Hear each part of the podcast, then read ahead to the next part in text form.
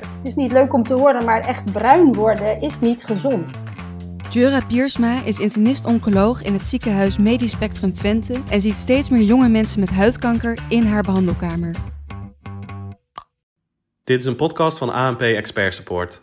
Deze dienst staat los van de ANP-redactie. Luna van der Waarde spreekt vandaag deze expert naar aanleiding van dit ANP-nieuwsbericht. En meer dan de helft van de Nederlanders smeert zich slecht in als de zon schijnt. Dat staat in een rapport.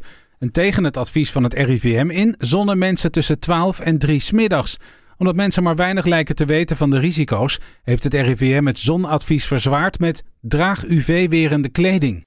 Ik spreek vandaag met Jura Piersma, internist-oncoloog bij Medisch Spectrum Twente. Waarom smeren mensen zich zo slecht in? Ja, wat ik hoor van uh, dermatologen in Nederland en uh, van mijn uh, collega's, is dat mensen zich dus vooral niet bewust zijn van zonblootstelling. Gewoon aan zich. Dus uh, misschien zijn ze zich wel bewust van de gevolgen van UV-straling en zonblootstelling, maar ze denken dat ze, dat ze er niet voor gaan zitten, hè, niet liggen bakken.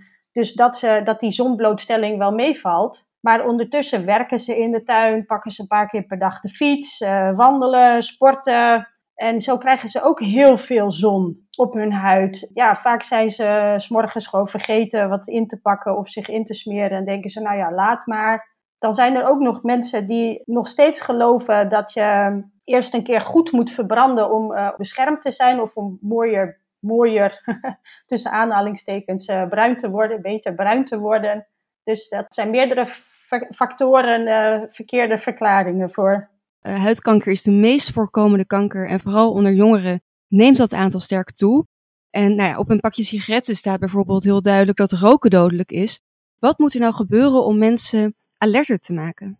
Nou, ik denk dat we bijvoorbeeld kunnen kijken naar uh, voorbeelden in uh, Australië en Zuid-Afrika, waar, waarbij ik niet weet hoe die campagnes exact zijn, maar waar we wel weten van de getallen in Australië dat daar al meer dan tien jaar geen toename is in het aantal diagnoses van, uh, van huidkanker.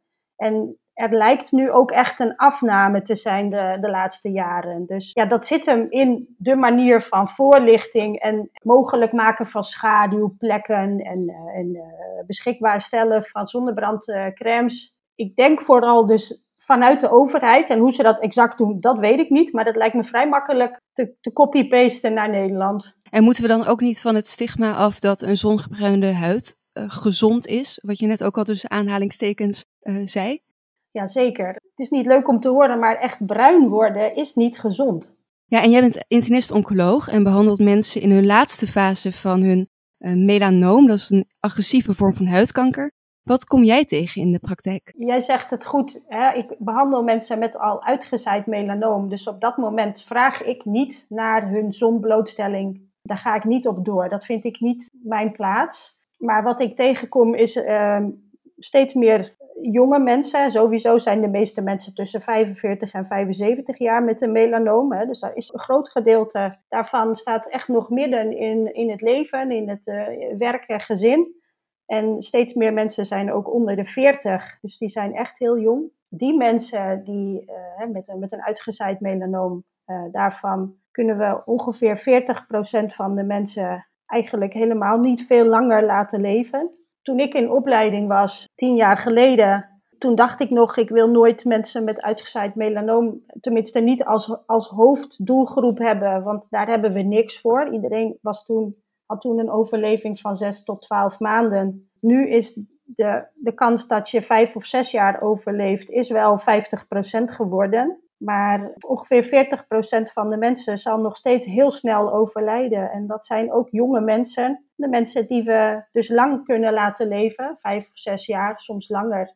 Die moeten we heel intensief behandelen. Die krijgen behandelingen met veel bijwerkingen veel controles, veel uh, onzekerheid. Hoe ziet de volgende scan er weer uit?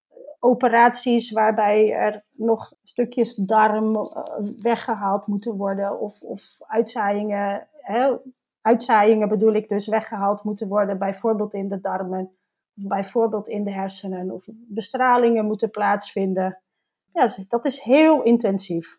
Hoe loopt dan zo'n behandeling? Want het begint dan nou, met in de meeste gevallen slecht insmeren en een zorgwekkende moedervlek. Ja, wat is eigenlijk het pad dat zo'n patiënt afloopt richting jou? De mensen zullen zelf uh, zich op een gegeven moment melden bij de huisarts met een, een vlekje waar ze zich zorgen om maken.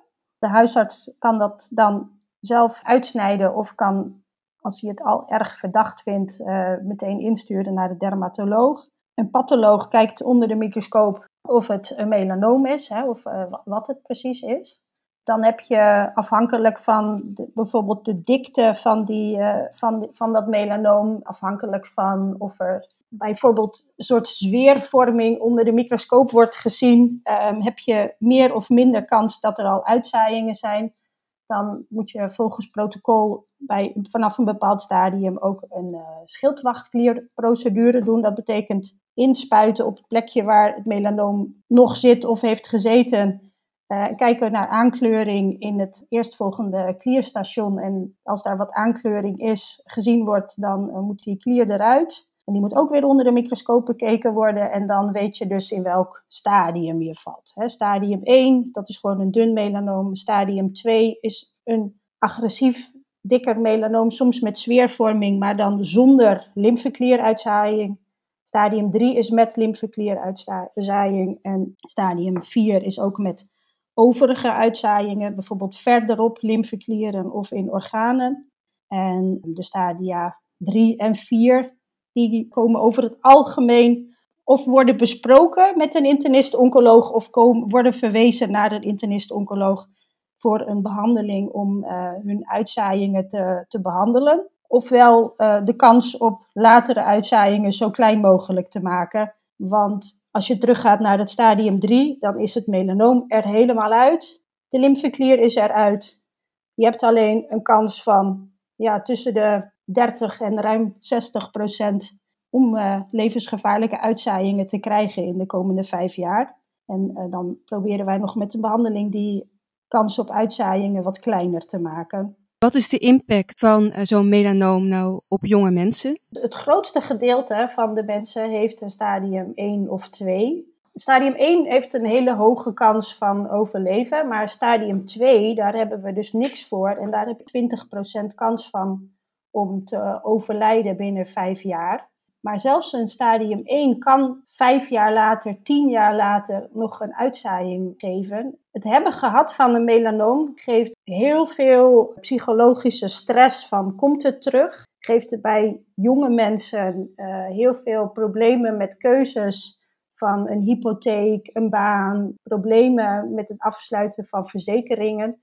Dat, dat heeft ook heel veel maatschappelijke impact en op persoonsniveau heel veel impact. En het is dus nooit zo zoals bij bijvoorbeeld zaadbalkanker, wat jonge mensen, jonge mannen kunnen krijgen, dat je na vijf jaar genezen bent. Die grote groep mensen die geen uitzaaiingen heeft nog aan het begin, moet daar toch de rest van het leven mee dealen met, met al die maatschappelijke keuzes, stress en kans van een uitzaaiing die later boven het hoofd hangt. Hoe is de behandeling afgelopen jaren veranderd? Nou, tot uh, eh, 2012 ongeveer was het enige voorhanden voor uitgezaaid melanoom was uh, chemotherapie. En dat werkt niet goed bij uitgezaaid melanoom. Daarna zijn er behandelingen bijgekomen, twee soorten behandelingen. 50% eh, van de mensen heeft een DNA-verandering gekregen, wat de belangrijkste rol was in het ontstaan van het melanoom, maar wat ook een aangrijpingspunt is voor behandeling. Die DNA-verandering noemen we dan een doel of een target en de bijbehorende therapie noemen we dan doelgerichte therapie of targeted therapie.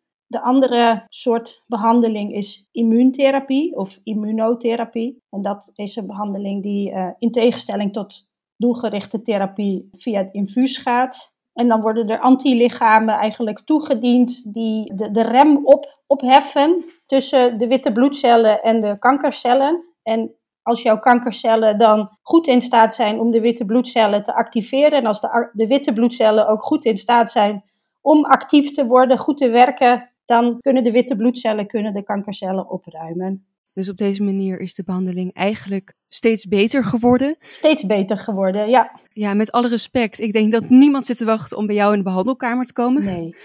Ja, op welke manier kun je dan toch verantwoord de zon in? Smeren, smeren, smeren. Hè? Ehm, ja, je kunt schaduw opzoeken. Je kunt kleding dragen die je huid bedekt. Kalende mannen petjes dragen. Weet gewoon dat goedkope zonnebrandcrème ook goed is. Het hoeft niet duur te zijn. Het hoeft ook geen factor 50 te zijn. 30 is ook goed. Mijn collega's in, het, in MST, dermatoloog Dr. Vogel en de huidtherapeuten hebben een Instagram pagina gemaakt. Team Derma.